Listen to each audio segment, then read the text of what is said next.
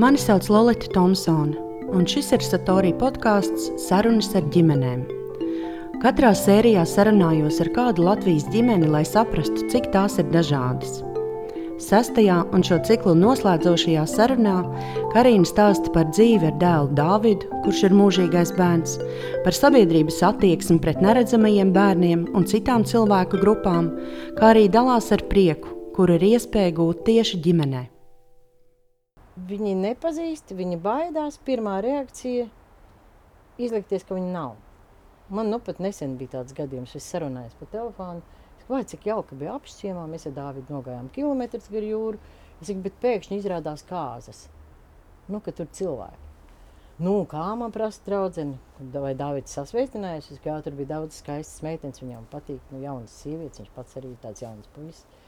Un viņš viņām visām saka čau, un viņas nevienu viņu neredz. Viņš iziet cauri 20 skaistu meiteņu pulciņam pie jūras, viņas visas tālumā ir pavadī, pamanījuši vai nu kaju, vai kuģi, vai kaut ko tādu, bet viņas neredz viņu, jo viņas nezin, kā rēģēt. Mm.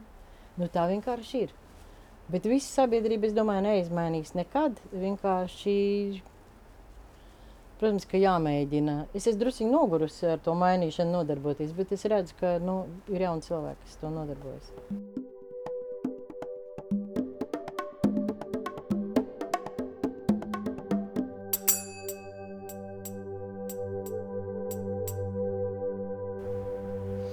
Karina, kas ir tas, ko tu dzīvē dari? Tur man atkal ir jāuzdod pretjautājums, vai ir iespēja arī nāvē kaut ko darīt. Nu, to mēs nezinām. Noslēpumi paliek. Bet kas ir tas, kā tu pavadi ikdienu? Nu, tu domā par darbu tā kā Jā. vairāk? Nu, man ir tā bērnu māja, kur mācās visādi mazi bērni līdz skolas vecumam. Un tas ir nu, galvenā, galvenais tas, ko es strādāju vai daru. Vasarās es rīkoju arī nometnes pusauģiem, jūras vārnu. Nu, tad es vēl esmu kopā ar uh, Dāvidu ļoti daudz laika. Un kas ir Dāvids? Dāvids ir mans jaunākais dēls. Tev ir četri bērni. Tieši tā, jā. Un, un kā, kā tu nosaukt, kā viņi kopā sadarbojās? Kā, viņi, kā tu redzi to savu ģimeni? Nu, vecākie bērni jau ir pieauguši, visi trīs. Un Dārvids arī pēc vecuma ir pieaugušs cilvēks, viņam ir 22 gadi, bet viņš ir tā kā mūžīgais bērns. Līdz ar to uh, nu, tas ir pilnīgi cits stāsts. Bet uh, nu, tā kā tiem maniem vecākiem bērniem ir jau savas ģimenes un pašiem savi bērni, tad uh, viņi sadarbojas dažkārt. Bet nu, Dārvids ir audzis kopā ar manu jaunāko meitu Lauru, kas viņam ir otrais svarīgākais cilvēks pēc mammas. Nu, nu, džoja mīlestībā viss sadarbojas, tā es varētu teikt. Tu ikdienā ļoti daudz strādā ar bērniem, tu viņus mm. zini. Kā tu varētu pateikt, kas viņiem ir svarīgākais ģimenē? Nu, tas ir atkal tā, man ir ļoti grūti vispārināt. Es esmu tāds cilvēks, kas eh, nemīl vispārinājums. Bet, eh, protams, ka tas arī ir tas pats eh, galvenais. Tā ir uzmanība, nu, tāda atbalsts, sadarbība. Tas ir ļoti svarīgi, ka ģimenē ir. Un, un to bērnā uzreiz redz. Nu, viņš nāk no tādas atbalstošas un, un uh, no tādas saliedētas ģimenes. Un, protams, ka nav svarīgi, cik ir to ģimenes locekļu. Jo mums ir arī bērni bērnu mājā, kur, kuriem arī kur nāk no četru bērnu, trīs bērnu ģimenēm. Tagad vispār ļoti daudz bērnu mūsu dzimtenē. Es saprotu, ka ir, ir modē būt daudz bērnu ģimenēm. Bet arī ja tas ir vienīgais bērns, un viņam ir tikai viens vecāks, ir ļoti, ļoti būtiski tieši šī sajūta tas uzreiz jūta, ka viņš ir drošs. Viņš, ir, nu, kā, viņš nāk no, no drošas vidas, tas ir svarīgi. Kāda ir uh, tava ideālā ģimene? Manējā. Un kāda bija tava satikšanās ar uh, tavu īpašo bērnu? Vai tas bija uzreiz skaidrs uh, dzemdību namā? Kā tevi to laiku tam sagatavoja? Bija kaut kāds tāds process? Nu, nē, tas nebija tā, ka, ka man kāds tur sagatavoja. Tur bija gandrīz vai tāds tā kā derības starp divām ārstu grupām. Ir viņam tas sindroms vai nav?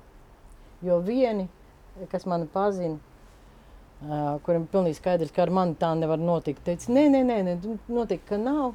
Un cita kā teica, skaidri var redzēt, ka ir. Tāda apmēram bija tā sagatavošana. Un tad tajā pirmajā naktī, kad Dārvids piedzima, tad uh, Dārvids tētis uh, sēdēja pie mūsu gu gultas un uh, ar milzīgu enciklopēdiju, kur viņš bija dabūjis slimnīcā un meklēja tās pazīmes. Tā, tā mēs sagatavojāmies. Un pirmie gadi, kad uh, tu redzi, ka viņš ir atšķirīgs, un tev, tev pieredze, ka tev jau bija trīs bērni. Jā. Tu zināji, tev ar bērniem jau bija bijusi darīšana mm. diezgan tuva tāda. Jā, jā. Un, uh, nu, kāds bija tā, tādas pirmās nedēļas vai pirmais gads tieši ar, ar bērnu, kurš ir savādāks? Nu, pirm, mē, pirmos mēnešus, divas mēs nogulējām slimnīcā, tā bērnu slimnīcā, tāpēc, ka Dāvidiņš bija ļoti mazs, kad viņš piedzima. Līdz ar to es tā biju tādā nodaļā, kas bija tāda, kur sauc patoloģija. Es tur ļoti daudz ko ieraudzīju un daudz ko um, Nu, man dzīve ļoti stipri izmainījās, jo tur bija arī bērni, kur ne, neizdzīvoja. Tur mācīties bieži gāja cauri tajā nodaļai. Un, un es tikai gribēju, lai, nu, lai viņš pieņemās svarā, mēs tiekam no turienes ārā.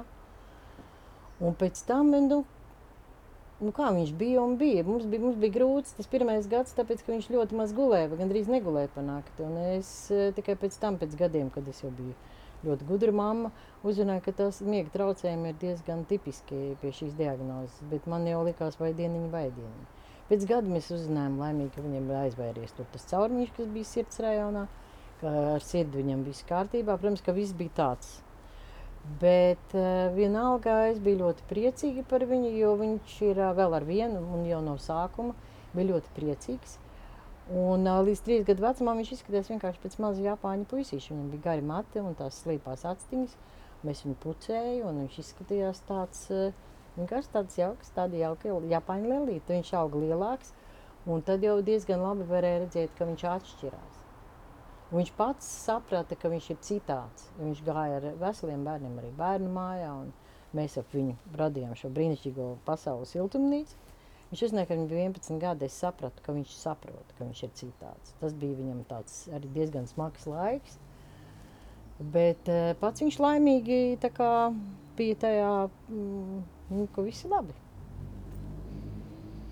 Tad, kad uh, piedzima Dārvids, jau bija skaidrs, mm. ka viņš uh, būs tas īpašais bērns mm. ar uh, Dauna sindromu, uh, kādā veidā tu sagatavoji ģimeni tam, ka tagad viss varētu būt savādāk. Kāda bija nezinu, tava saruna ar Dāvidu tēti, ar taviem bērniem? Nu, patiesībā tas viss nebija tā kā pēc grāmatas, un uh, tas arī nenotika tā uzreiz, kā jau es iepriekš teicu. Nebija tā, ka bams tas tā ir. Es kamēr izgāju cauri tam procesam, kamēr mēs bijām ar Dāvidu tajā bērnu slimnīcā, uh, Pa to laiku jau pārējiem bērniem bija skaidrs, ka Dāvidiņam tagad ir grūti. Tagad mēs turam iekšā, lai viņš būtu. Tad um, Laura bija pusaudzis tajā laikā. Īsti viņai neviens nepateica, ko viņa man starp citu kādreiz ir arī tā, kāpēc jūs man nepateicāt. Un tad nebija skaidrs, kā tad mēs viņai patikt, ja viņi tā redz apmēram. Bet, nu, Nu, tu, vecākais dēls atbrauca uz slimnīcu, kad Dārvids piedzima. Es domāju, ka nu, viņš jau laikam tad, jā, viņš zināja, bet viņš bija priecīgs, ka viņam ir brālis. Un, nu, viņš tā kā nerādīja savas kaut kādas emocijas vai ekspektācijas. Man tā kā nestāstīja, kā viņš būtu gribējis. Uh, nu, par tēti bija tā, ka viņš arī tomēr tajā cīņā, kad Dāvis tur cīnījās būt vai nebūt, viņš tad ik pa brītņam arī nāca uz to slimnīcu. Uh, Un, un, un, un nebija tāda jautājuma, ka mēs tagad, kā mēs tagad viņu atstāsim tajā slimnīcā un paši iesim, es nezinu, uzspēlēt golfu. Taču tādu vispār jautājumu nebija. Ja? Nu, kā audzināsim, protams. Un tad kaut kādu laiku vispār kaut kā tas viss arī pieklusa, tā kā visa tā lieta. Nu, vīra māte un māsa kaut kā bija pēc kaut kādas publikācijas presē, jo mēs nebijām tur bijuši sākumā, neviesojāmies līdz tam gadu vecumam, ka viņš kaut kāds tāds jocīgs izskatās, ziniet, un atzīstās, kas tad nu ir. Nu, tad atzināmies. Nu, es domāju, kā, nu, lai mamma pārdzīvoja, bet, nu, viņa, nepa, viņa nebija man tiešā tūmā, līdz to es pārdzīvojumu nevarēju novērot. Tieši. Nu, tā viss tas notika. Jo, ja mēs būtu zinājuši pirms tam, ka man būs bērns ar šito te, tad, tad es domāju, ka tas būtu grūtāk. Es tā domāju, man. Jo tā bija kaut kāda apstākļu sakritība. Jo bija sonogrāfijas neskaitāms. Mēs kopā gājām ar Lauru, ar Laimi. Nu, tur vispār grupās viss tur notika. Un kaut kādā mistiskā veidā doktori arī viņi pēc tam teica, ka viņa acīm redzot, tā kā viņa man bija pazīstams cilvēks, bija projicējis to, ka ar mani nekas tāds nevar notikt. Un tad viņš piedzima, un tad jau viņš bija piedzimis. Nu, ko tad tālāk vairs? Bet cik es esmu dzirdējis arī stāstus, un arī tie vecāki, kas braukuši pie manis ar tiem bērniem ar, ar, ar sindromu, ka tā ir diezgan drausmīga lieta, ka tev pasaka, nu, iz, tagad ir tik un tik nedēļas izvēles. Tur tagad vai nu vai nu. Un es saprotu, ka es domāju, un esmu pārliecināta, ka izvēle būtu tajā pusē, kurā viņi ir. Bet tas pats par sevi ir briesmīgi. Tās izvēles, šitās izvēles, es domāju, paldies Dievam. Paldies Dievam. Ka man nav tas bijis, jā, jā šit, es neesmu gājis cauri. Laimis tam nav gājis cauri, tad es vēl pa, pa visai dzimtei, viss klans uh, domātu. Un teikt, nē, mamma, es tomēr domāju, nē, bet zini, tā, nē, labāk, nē. Es domāju, ļoti labi, ka notika tā, kā notika. Es domāju, tā arī providences roka tiešām, ka tā bija. Domājot par ģimenēm Latvijā, vai tev šķiet, ka ģimenēm Latvijā ir pietiekams atbalsts? Vai ir pietiekams atbalsts dažādām ģimenēm Latvijā? vientuļo vecāku ģimenēm, ģimenēm, kurās ir attiecīgi vai nu divi tēti vai mammas, ģimenēm, kurās ir tās paplašinātās ģimenes, dažādi veidi, auģu ģimenēm. Man ir ļoti grūti kaut ko pateikt par auģu ģimenēm. Es gandrīz neko nezinu. Es zinu, laikam, tikai vienu. Man viena ir pazīstama meitene, kurai ir divi pieņemti bērni. Un par to, kāds ir valsts atbalsts, grūti pateikt, jo Tas vispār ir sarežģīti adoptēt jau pieaugušus bērnus. Un cik tur valsts un cik tur mentāli cilvēks pats to var izdarīt. Bet es zinu, ka tāda ļoti liela problēma ir tiem vecākiem, kuriem ir tie īpašie bērni, un kuri varbūt nenāk no sociāli nodrošinātas vides. Un nedod Dievs, tas ir viens vecāks ar īpašo bērnu. Un es nu, diezgan labi zinu, kāda ir situācija tādā, tādās, nu, tādā gadījumā, kā, kā man, kā ir Dārvids, kuram ir lūk, 22 gadi. Viņam ir uh, autisms, un Dauna sindroms un vidējais garīga atpalicība. Tas nozīmē, ka viņš nevar funkcionēt viens pats, uh, bez atbalsta, bez asistenta. Un, un tad, kad uh, iznāk satikt vecākus, kas dzīvo kaut kur ārpus Rīgas un ir atbraukuši uz kaut kādu pogu. Viņi ir dabūjuši kaut kādu brīvo naudu, ka viņš var aizvest to bērnu uz, uz kaut kādu nebūtu manipulāciju. Un tā ir varbūt pirmā reize, kad mamma ir viena pati un sēž tagad koridorī, un viņš tur ir iekšā, un viņa te ir ārā, un viņa nav kopā ar to bērnu. Un, un es domāju, ka tā ir diezgan ārprātīga situācija. À, nu, tur es domāju, ka baigi daudz kas vēl jādara, un, un visas sociālais mājas vai dzīvokļi vai iespējas. Tur var, tur aizpildīt ekrāna laiku vienkārši ar to visu. Tur nav pietiekams atbalsts. Un es domāju, es kaut kādā veidā redzu, ka tas korelē vispār ar citādo. Jo, ja nav pietiekams atbalsts citādiem, cil, citādam cilvēkam, tad uh, sabiedrība nepieņem arī citādu, citādas ādas krāsas cilvēks, citādas um, orientācijas cilvēks, nedod divas bēgļi, ja, uh, citas reliģijas, cit, nu, šīs visas lietas, kaut kādā veidā es viņus redzu visas kopā. Jo es domāju, kamēr tās uh, sabiedrība nebūs gatava pieņemt citādo, citādo bērnu vai citādo cilvēku, kas iet pa ielu, jā, un, un viņi būs gatavi viņu saredzēt un viņam pateikt čau, tas jau būs solis uz pieņemšanu pārējos šajos virzienos, es domāju. Kāda bija tava ģimene? Kad es biju maza. Kad tu biji maza? Te, nē, tev ir uh, tava ģimene, ko jau tu esi izvēlējusies un nodibinājusi, un tas tavs mīlestības ceļš. Bet uh, tev kā bērnam?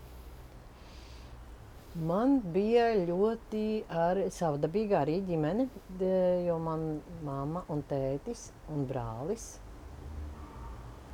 Un tad manam tētim bija vēl bērni no iepriekšējām laulībām, kur arī pie mums dažreiz dzīvoja. Un tad mammai vēl bija meita no iepriekšējās laulības, kur, protams, arī dzīvoja. Tur mēs visi kaut kā dzīvojām.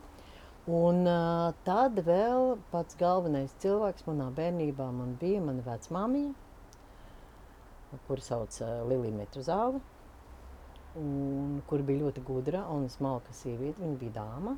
Un viena īpatnība viņai bija, viņai bija polimlīts vai bērnu trieka. Viņa bija ļoti maza un viņai bija viena kāja, kas tā kā nefunkcionēja. Tā kā pieredze ar speciāliem cilvēkiem man bija jau no agras bērnības. Es redzēju katru rītu, kā viņš ņūrēja ciet savu ortozi, bet to redzēju tikai es, tāpēc, ka viņa bija dāma un neviens cits vispār pat nezināja, ka viņa ir tāda ortozi.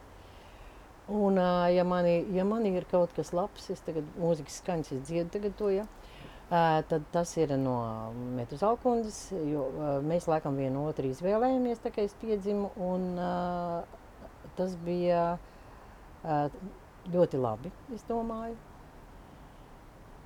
Jo viņi zināja valodas, ā, viņai bija ļoti interesanta visa tā pasaules uztvere. Viņa bija ļoti stiprs cilvēks ar visu to, ka viņa izskatījās maza un trausla. Viņai bija konkrēti, konkrēti arī mm, nu, tie principi, bet eh, viņa prata ļoti maigi, nu, viņus nevienam ar viņiem neuzmākties. Jo es atceros, nu, ka mēs braucam, es viņu stūmu ratiņos, viņai bija tāda ratiņīna līdzi, mēs stūmu viņu uz kapiem, un tur gulēja mans vestētiņš, kur nošauja, kad viņam bija 25 gadi. Un vecmāmiņa visu mūžu tātad bija šī te mazā atraitne. Un, uh, un Alberta Metuzālam uz kāpja pieminiekļa augšā rakstīts tavs prāts, lai notiek. Un es saku, "A, kāpēc tur tā ir rakstīts? Viņa saka, tu kādreiz uzzināsi. Viņa man neteica, tas tā ir kā tad tu vai ne. Nē, viņa neteica. Viņa ļāva tā kā man pašai uzzināt, kāpēc tur tā ir rakstīts. Un, un tāda viņa, tādā brīnišķīgā veidā, tā viņas, es domāju, pedagoģija tāda bija, uz mani kaut kā ļoti labi, es domāju, iedarbojās, jo es domāju, ka tas labākais mantojums, ko es esmu saņēmis, ir Meduzāla kundzes rūpes eh, līdz maniem nu, tur 20, kad viņi nomira, ja, un, un, un tad, tad jau vairs nē, bet tas bija pats, pats svarīgākais cilvēks. Protams, ka man bija mamma un tētis, uh, un mamma bija dārzniece, un viņai nu, patika augi, un, uh, un dažreiz pat vairāk kā cilvēki. Un mans teicis atkal bija ļoti aktīvs, un viņš varēja visu, un viņš bija burtiski lidojumā, un viņš bija tāds. Un tad, kad man bija kaut kādi septiņi gadi, tad viņš arī aizlidoja no mūsu ģimenes atkal uz citu ģimeni. Eh, Bet eh, no manas ģimenes eh, dzīves ir palicis tikai tēvs un, eh, nu, un arī mans brālis. Bet, eh, bet no vecākiem un tēvam ir 98 gadi, un mums ir ļoti labs kontakts. Mēs ar viņu bieži sazvanāmies. Viņam ir ļoti laba humora izjūta. Viņš man stāsta visādas pričas un stāstus. Un viņam ir dažādas idejas. Un, uh, tad, kad man bija 50 gadi, tad mans tēvs pirmo reizi pateica, ka viņš man mīl un ar mani lepojas. un Tas man bija ļoti svarīgi. Lūk, tā. Tāds stāsts par manu ģimeni. Pusgadsimtu tu nodzīvoji. Jā, mans tēvs ir pārdzīvojis manu māmu divas reizes precīzi pašlaik. Kas ir tas, ko tu te, tav, tavā ģimenē tagad daudziem ir bērni? Visiem ir bērni. Izņemot Dāvidu. Izņemot Dāvidu. Mm. Un, uh, kas ir tas, ko tu viņiem mēģini pateikt, kas ir svarīgākais uh, audzinot bērnus? Saviem bērniem Jā, vispār neko. Tāpēc, ka nedod Dievs, es tur tagad parādīšos un pateikšu viņam, kā vajadzēs. Nebūs tā, jo man bērni tāpat kā es, visi ir līderi. Visiem ir skaidrs, kā vajag. Es vairāk redzu, kā viņi ir paņēmuši kaut ko no tā, kā viņi ir auguši. un kas ir tas, ko viņi paņēmuši no tevis? Es domāju, ka tas ir arī viens no pamatprincipiem, kas ir bērnu mājā. Tu nevienam eh, bērnam neko nevar teikt no augšas. Tā kā es tagad pasaku, un tu tagad man klausīsi. Ka tā ir diezgan brīva tā audzināšana, ka tā ir ā, ļoti lojāla, demokrātiska, cieņpilna attieksme pret bērnu, jo bērns ir cilvēks jebkurā gadījumā. Viņš ir mazāks, lielāks vai ir jau milzīgi bērni arī, kas tagad 40 gadus veci pilnīgi, es pazīstu dažus. Uh, bet uh, bet nu, tā attie, attieksme ir nemainīga. Un, uh, un, man, un es, es redzu, ka UNā tas ir, es redzu, ka Laurā tas ir, un tagad arī Tomā beidzot tas ir, ka tas prieks par to, nu, tas ir prieks par vitalitāti, par dzīvību, ka tu visu laiku redzi to un priecājies, kā viņš auga. Ka tu nenolaidi acis un nepagriez muguru. Vēlāk pieslēgšos, kad viņam būs 12. Ka, ka tas, man liekas, ir ļoti būtiski mūsu ģimenē vispār. Nu, ka viņi ir tādi. Es negribu teikt, ka laimīgi tas ir izklausās. Tūlīt jau es tiešām sākuši kaut kādas psalmas dziedāt. Nē, viņi ir tādi novērtēti. Un līdz ar to ir tā pašpietiekamība zināmā mērā visiem maniem mazbērniem. Un tavs uh, mīlestības stāsts, kā tu satiki savu vīru, kāpēc tu viņu iemīlēji? Tu domā, Dāvida tēti? Nē, es do... nu jā. Pavisam vienkārši tas bija. Tas bija, es tev izstāstīšu bērnu. Es to esmu stāstījis arī aplī bērnu mājā. Nu, ka vienreiz bija tā, ka es aizgāju, ne, pirms tam bija vispār, pavisam senāk bija tā. Man ir bērnības draudzene Inga, pie kuras es braucu ciemos. Viņai ļoti patika, ka es pie viņas palieku pa nakti, bet nu, tā nebija, ka es vienmēr varu palikt pa nakti. Mums abām divām bija seši gadi, Un viņi man nogrūda no tiltiņa, lai es samērcētos un nobūtu netīri kleitnes, nevar braukt uz mājām. Un tur bija vārdi. Viņa teica, bučo vārdi. Un es teicu, ka nebučošu. Viņa saka, nu, ja tu nebučosi, tad nolaidīšu ārā. Un tad es nobučoju to vārdu. Un tad paiet ļoti, ļoti daudz gadu. Un es aizēju uz koncertu un sēžu pirmajā rindā. Un tur ir skatuves tāds cilvēks, kas druskuļi varbūt izskatās pēc vārdas, bet to es sapratu tikai pēc tam. Viņš dzied un ļoti skaisti dzied. Viņš dzied un dzied. Un tad vienā brīdī viņš iesprāst to mikrofonu tajā statībā un saka, vai šeit zālē nesēž meitene, kur vienreiz nobučoja vārdi? Un viņš saka, nu vispār jāmža. Tas esmu es. Tā es iepazinos savu vīru. Nē, nu, neatkārtojams vispār. Jā, iepazīšanās stāsts. Un cik ilgi jūs esat kopā? Jā?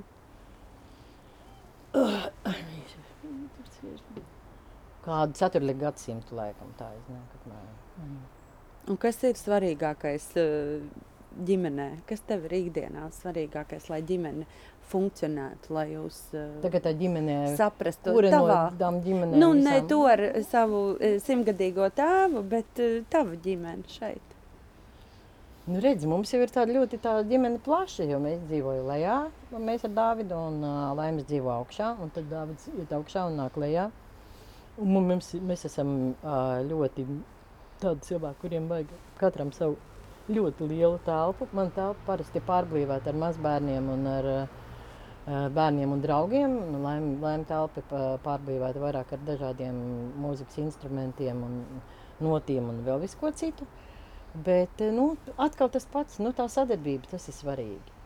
Es domāju, tas ir nu, sadarbī, sadarbība, saprašanās un atbalsts. Tas ir svarīgi ģimenē. Es domāju, tas ir tas princips, uz kura viss turās. Nu, tā. Man pieredze eh, jauniešiem pusauģiem, ka viņi ir daudz atvērtāki, protams, nekā es savā postpadomju jaunībā biju kādreiz. Un, uh, par to tu saki, ka tev ir eh, kontakts ar viņiem un ar uh, pusauģiem. Šobrīd ir nodibināti gan um, psihiskās eh, veselības centri pusauģiem, gan ir pandēmijas laikā ir pusauģu un mentālās veselības krīze. Nu, Mhm. vienmēr sakot, ir kaut kāds tāds uh, sabiezējums, tāds mm. kaut kā negatīva un slimīga. Un tas šobrīd tiem dažādiem mēģinājumiem to risināt. Tu saki, ka tu pusauģus saproti. Mhm. Un, uh, kā tev šķiet, kas, kas ir tas, kas pietrūkst vai kas būtu vajadzīgs? Kāpēc viņi tik bieži ir šobrīd vientuļi vai zuduši vai viņiem sāp? Pirmkārt, es nevaru teikt, ka es saprotu pusauģus, jo es atkal pret vispārnājumiem. Tas ir individuāli. Katrs cilvēks, katrs pusaudzes ir tas pats, tie ir cilvēki. Tāpat kā nav profesijas pensionārs, nav arī profesijas pusaudzes. Tie ir cilvēki, viņi ir dažādi. Katram var būt savas tās lietas. Protams, ka ir tur tā augšanas grūtības, viss tur hormoni, kas tik viss tur nenotiek. Viņi tak nav vainīgi cilvēki, ar viņiem tas notiek tagad. Bet, eh, bet es domāju, ka tas atbilde ir atkal tā pati, ar ko mēs sākām. Atbalsts, tas, ka tu viņu redzi, redzi ja? nevis tā, ka vispār formāli, nu, aizgāju, forši, bet ka tu viņu redzi, ja? un ka tu viņu saproti, tevi interesē, eh, tad viss būs kārtībā. Jo, nu, tas ir briesmīgi grūti, jo mazam bērnam visu laiku vecāki seko līdzi, kā viņš tur iemācās staigāt, kā viņš ir. Un tad ir viens moments, kad viņš it kā jau ir patstāvīgs. Bet viena daļa no viņa ir vēl tajā bērnībā. Un viņam vajag varbūt ar visiem saviem diviem metriem iesaistīties tajā mammai klēpī vai paplikšķināt tētim pa pliko pauri. Viņam vajag arī to apskāvienu, viņam vajag arī parunāt muļķības, viņam vajag arī izkliegties varbūt tieši ģimenē, nevis uz ielas izdaudzīt logu. Varēja to izdarīt. Tā ir, bet saka, viņi ir tik daudz un tik dažādi tie cilvēki. Un, un, un pa vienam, izciet pa vienam, palīdziet pa vienam, jo visiem nekad nevarēs palīdzēt. Par izglītības sistēmu. Mm. Tātad tā saucamās parastās skolas, regulārās skolas, tur pamatskolas, vidusskolas. Um, kādu tu redzētu ceļu, lai tur uh, būtu lielāka atvērtība mm, bērniem, kuri ir īpašie, īpašie bērni, mm, īpašām vajadzībām? Vai tas vispār iespējams ir Mm. izglītības sistēmā? Es domāju, ka vispār tas ir iespējams. Es esmu redzējis, esmu, es esmu arī tā, tāda turista, kas vienmēr eh, kaut kur aizbraucot, apskatās, kā ir ar Montesori skolām bērnu dārziem, un kā ir iekļaujušo izglītību. Un es esmu redzējis visādus brīnumus, skaistus. Un es zinu, ka tas ir iespējams, un, un ir jau izdomāts, pat nav pašam nekas no jauna jābūvē. Es domāju, ka tie ir. ā, Protams, kā personāls vai stāvs ir vissvarīgākā lieta. Ir skaisti, ka ir tāda mārapas skola, kur ir vesels spārns speciāliem bērniem ar skaistām klasēm, bet tur uh, tu aizpildīt ar uh, pienācīgi sagatavotu personālu, kuram starp citu arī diezgan būtiski normāli samaksāt. Jo ir labi skolotājs, tiešām labi speciālisti, viņi brauc prom no Latvijas. Un tas ir di- dikti žēlīgi, jāsaka. Un vietā atkal nāk kāds jauns, kurš eh, tiešām ir apmaldījies vēl un nezina, kā sākt. Es neesmu bezcerīga šajā visā. eh, Bet, nu, protams, ka lielas skolas, draudziņas skola nebūs. Eh, Šī tā lielā skola, kas tur ir, kur iet mana mazmeita Mija, arī nebūs. Lielas skolas nevar to pacelt, eh, lielas skolas to nevar kontrolēt. Arī, arī ja notiek kaut kas, nu, vienalga, ja kāds izkrīt no ratiņkrēsla, un tur ir simts bērni vēl, nu, tu viņi nenoķers tajā brīdī. Es jau vispār esmu par tām mazajām skolām, un uh, esmu ļoti sērīga par to, ka beidzot pēc 30 gadu pastāvēšanas vairs nav jūrmālas alternatīvās skolas, kas zināmā mērā bija etalons tam, kā es iedomājos skolu. Uh, bet uh, tur ir ļoti, ļoti, nu, tas atkal ir plašs temats, ko gan vajadzētu un kā to varētu. Bet principā, ka to var, es domāju, noteikti, un es domāju, pēc desmit gadiem Latvijā tā arī būs. Būs šī iekļaujošā izglītība labā līmenī. Skaidrs, ka neviens nav mūžīgs. Un kādu tu gribētu redzēt sabiedrību, uh, tad, kad Dāvidam vairs nebūs mamma vai tētis, kam ir jānotiek? Nu, es jau, protams, sapņoju par to, ka varētu būt tādas sociālās mājas, un tad viņš jau būtu, viņam būtu kādas iemaņas, un apkārt būtu gan asistents, gan arī kaut kādi tie sociālie cilvēki, kas pieskata.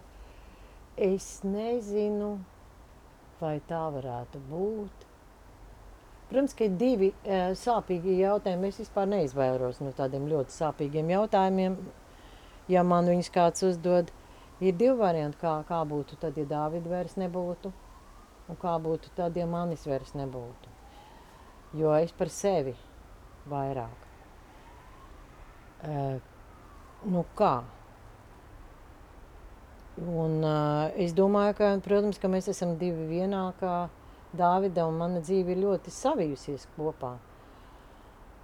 Man ļoti patiktu, ja, ja būtu jau tagad man kaut kāda iespēja kā nedaudz atdalīties un viņam parādīt to citādo pasauli, jo tas vienīgais veids, kā viņš redz to citādo pasauli, ir dienas centrs saule, kur viņš 18 gadu vecumā beidzot satika ļoti daudz cilvēku ar īpašām vajadzībām, kur viņi arī pavada kopā tās savas dažas stundas, kad viņi kopā ir.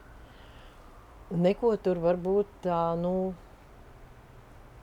neko vairāk varbūt kā tādu komunikāciju ar uh, saviem bēdu brāļiem viņš neiegūst, bet viņam ir svarīgi, ka viņš iet, viņš to sauc par skolu, viņš iet kā prom no ģimenes pie, nu, uz kaut kādu savu sociumu, kurā viņš tur ir.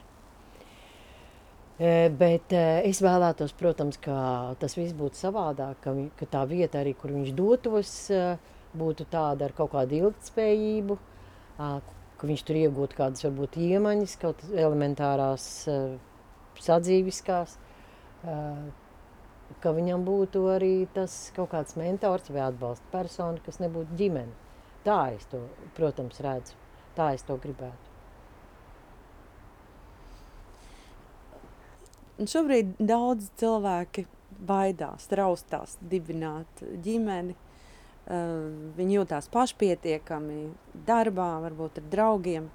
Uh, kāpēc tev liekas svarīgi? Ģi, kāpēc tev liekas svarīga ģimene? Un kāpēc tā ir? Kāpēc ģimene ir nevien jādibina, bet kaut kādā veidā jātiecās to saglabāt, uzturēt. Jo tev ir ļoti daudz prieka no tavas ģimenes. Mm, jā, principā es uzskatu, ka šajā jautājumā zināmā mērā ir nu, iekļauta atbilde, kas man sevišķi nepatīk. Tas ir, ka man virza uz konkrētu atbildi. Tur bija vairāk jautājumu, es mēģināšu kaut kā sadalīt viņus. Pirmkārt, es nedomāju, ka visiem cilvēkiem vajag ģimeni. Man, tas nav mans uzskats. Es arī nedomāju, ka mans prieks ir tikai no tā, ka man ir ģimene. Es vienkārši priecājos par cilvēkiem. Tas ir mans talants, iespējams, no vecā vīra, kuram ir 90 un gandrīz 100. Bet varbūt vienkārši. Uh, viens no diezgan svarīgiem iemesliem, uh, kāpēc būtu ļoti forši, ja tev blakām būtu kāds cilvēks, ir uh, novecošana. Jo man liekas, ka arī cik es esmu lasījis par eitanāziju, par tiem cilvēkiem, kuriem nav nekādu uh, būtisku, nu, tādu ļoti smagu saslimšanu, kuri grib to, ir tas, ka viņiem apnīkst vai garlaicīgi vai riebjās šeit jau uzturēties vienkārši. Uh, jo viņš acīm redzot ir izsmēls visu to, ko Hārmas ir izsmeltis, Eh, kas viņā ir iekšā. Bet, ja tev blakus ir vēl viens cilvēks, tā ir vēl viena pasaule īstenībā, ko var iepazīt un ar kuru var kaut ko veidot un gal galā varbūt pat var paveikties radīt bērnus. Kas jau ir vēl viens stāsts, ka tas ir interesanti un vajadzīgi un uh, priecīgi. Bet es nedomāju, ka visiem cilvēkiem vajag.